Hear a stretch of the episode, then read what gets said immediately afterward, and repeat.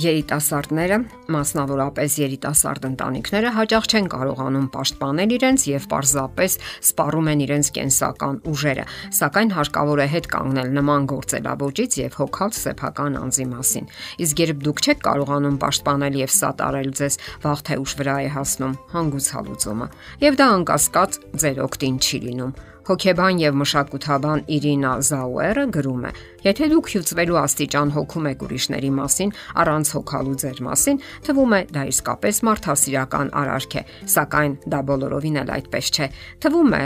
միշտ ունենք սեփական դրթապաճառները, այդ պատճառով էլ կարող եք ձեզ հարցնել. ինչու է դա պետք ինձ ապա պատասխանեք առանց ձեզ դատապարտելու, սակայն ամենայն ազնվությամբ։ Միգուցե դուք պարզապես առիթ եք որոնում ձեզնով հպարտանալու, կամ էլ ցանկանում եք ստանալ շրջապատի խրախուսանքը։ Այնուհետև փորձեք որոշել, Ինչպես այն մարդիկ, ում մասին դուք հոգում եք, ունեն ձեր հոգատարության կարիքը այն չափով, որքանով դուք դրսևորում եք եւ արդյոք դա չի վնասի հենց այդ մարդկանց։ Երիտասարդ ընտանիքներում սխալներից մեկն էլ այն է, որ դասերակցական գործընթացում երեխաների վրա չի դրվում պատասխանատվության այն չափը, որն անհրաժեշտ է ինքնուրույնություն ձեռք բերելու համար եւ չափից ավելի մեծ հոգատարություն դրսևորելով աճող սերնդի հանդեպ նշանակում է արչի ծառայություն մատուցել նրանց Հոկեբան Իրինա Զաուերը այսպես է շարունակում իր միտքը. Տարեց ծնողները նույնպես չպետք է անօքնական զգան իրենց։ Դա կարող է խորացնել նրանց հոգեբանական վիճակը։ Եթե նրանք կարող են ինչ-որ բաներ հաղթահարել սեփական ուժերով, ապա թող հաղթահարեն։ Դեռ ավելին, հնարավորությունների սահմաններում հարցերի երանդուն եւ ինքնուրույն լուծումը կարող է հետաձգել նրանց մոտ տեղի ունեցող տարիքային փոփոխությունները։ Հաճախ մենք միշտ չէ որ անմիջապես նկատում ենք, որ մեր բենզինը 0-ի վրա է եւ հարկավոր է ինչ որ բան փոխել մերձավորների հետ շփումներում։ Հարկավոր է պարզապես ճիշտ գնահատել այդ հարաբերությունները։ Մեկ այլ հոգեբան Մարինա Դանինան պարզաբանում է. մենք դառնում ենք զգալիորեն ավելի գրգռված այն մարդկանց հետ շփումներում, որոնց համար ջանքեր ենք թափում եւ որոնց հանձնում ենք մեզ։ Շփոթահար ենք լինում չիմանալով մեր անելիքը, կարճում ենք սոցիալական ցանցերից, հեռախոսներից, պատահական խաղերից։ Այդ բոլորը միգուցե մի փոքր անջատում եւ թուլացնում է մեզ, սակայն երկար ապագայի կտրվածքով չի կարող օգուտ տալ։ Երբ դուք հուզական ամայություն եք զգում, կյանքը կարծես անիմաստ է թվում, երբեմն ցանկանում եք լացել, խանգարվում է ձեր քունն ու ախորժակը, ուրեմն ժամանակն է կանգ առնելու Դրանք տագնապի ազդանշաններ են, որոնց վրա անհրաժեշտ է ուշադրություն դարձնել։ Դա նաև չի նշանակում, որ դուք վատ բնավորություն ունեք եւ ոչ էլ մեղավոր են ձեր մերձավորները։ Դա պարզապես ազդանշան է, որ ժամանակն է վերականգնվելու եւ թարմացնելու pašարները։ Այդ գործընթացը սկսվում է հիմնակարային գործողություններից։ Կարգավորում եք սննդի, քնի, հանգստի եւ ֆիզիկական երանդուն գործունեության ռեժիմը։ Ստանում եք բազմազան տպավորություններ եւ նորացման զգացողություն հաջողություն։ Իսկ դրանից հետո արդեն կարելի է ուշադրություն դարձնել սեփական հուզական պահանջմունքներին, ինչը չի բավականացնում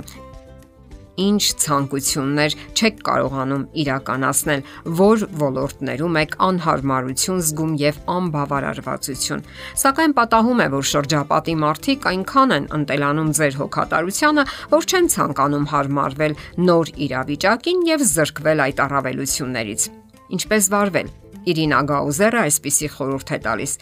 Հիշեք, որ հարկավոր է հարաբերական հավասարակշիռ վիճակի բերել կյանքի բոլոր ոլորտները։ Կարգավորեք ձեր ժամանակը, սակայն ոչ թե այն բանի համար, որ սովորականից երկու անգամ ավելի շատ ժամանակ հատկացնեք ուրիշներին, այլ որpիսի իրատեսական մոտեցում ցուցաբերեք ծանրաբեռնվածություններին։ Որոշեք ինչն է իրատեսական, ինչը ոչ, ինչից կարելի է ընդհանրապես հրաժարվել կամ ուրիշներին հանձնել դրանք։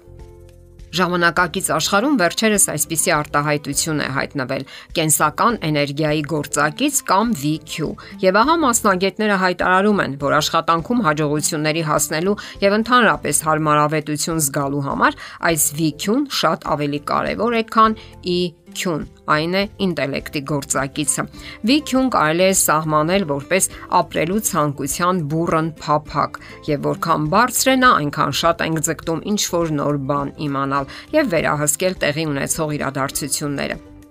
Կենսական էներգիայի գործակցին է վերաբերում նաև մեզ եւ շրջապատին էներգիայով լիցքավորելու ընտունակությունը։ Այսպիսով կարևորվում է ապրելու մեր հոգեվոր ֆիզիկական ընտունակությունները ընտանիքում եւ շրջապատում դրսեւորելու ներուժը։ Այն հարկավոր է երիտասարդական հարաբերությունները կարգավորելու ուսման բնագավառում լիովին դրսեւորվելու համար կյանքում մեջտեղը գտնելու եւ հոգեվոր, մտավոր, հոգեբանական հարմարավետություն զգալու համար։ Արդյոք դուք պատրաստ եք դրան եւ որ կարեւորն է ցանկանում եք։ Ձեր լավագույն ժամանակը հիմա է, երբ ավելի շատ ժամանակ ունեք, քան երբևէ, որը կարող եք օգտագործել լավագույն ձևով։ Այն կօգնի հաղթահարելու կենսական դժվարությունները եւ գծագրել այն պայծառ ապագան, որը միայն երազում եք։ Իսկ դրանք կյանքի կոչելուն ընդամենը մի քանի քայլ է մնում։ Եթերում է ճանապարհ երկուսով հաղորդաշարը։ Հարցերի եւ առաջարկությունների համար զանգահարել 033 87 87 87 հեռախոսահամարով։